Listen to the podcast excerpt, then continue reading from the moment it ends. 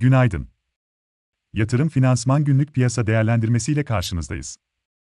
Bugün günlerden 7 Nisan Perşembe. Fed'den arka arkaya gelen şahin mesajlar, piyasaların bir süredir fiyatladığından daha sert bir parasal sıkılaşma patikasına girileceğine işaret ediyor. Önümüzdeki dönemde de farklı Fed yöneticilerinden benzer sıkılaşma mesajlarının geleceğini, bunun da küresel risk iştahı üzerinde baskı yaratmaya devam edeceğini düşünüyoruz. Borsa İstanbul'da ise, yabancı yoğunluğunun azalması nedeniyle küresel likiditede yaşanabilecek bir daralmanın etkisi sınırlı kalabilir.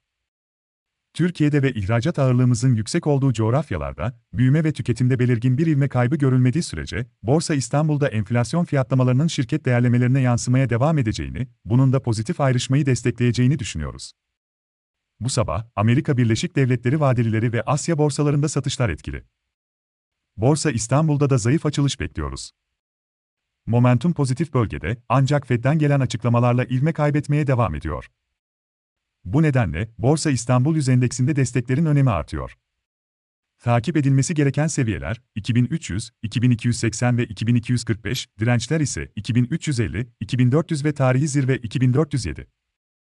Ajandada ise, içeride Türkiye Cumhuriyet Merkez Bankası haftalık yabancı menkul kıymet işlemleri ve rezervler ile, Mart ayı hazine nakit dengesi takip edilecek.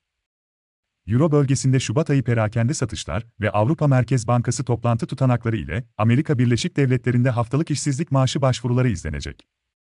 Fed yöneticilerinden Bullard 16'da, Bostik 21'de, Williams ise 23.05'te bir konuşma yapacak. Yatırım finansman olarak bol kazançlı bir gün dileriz.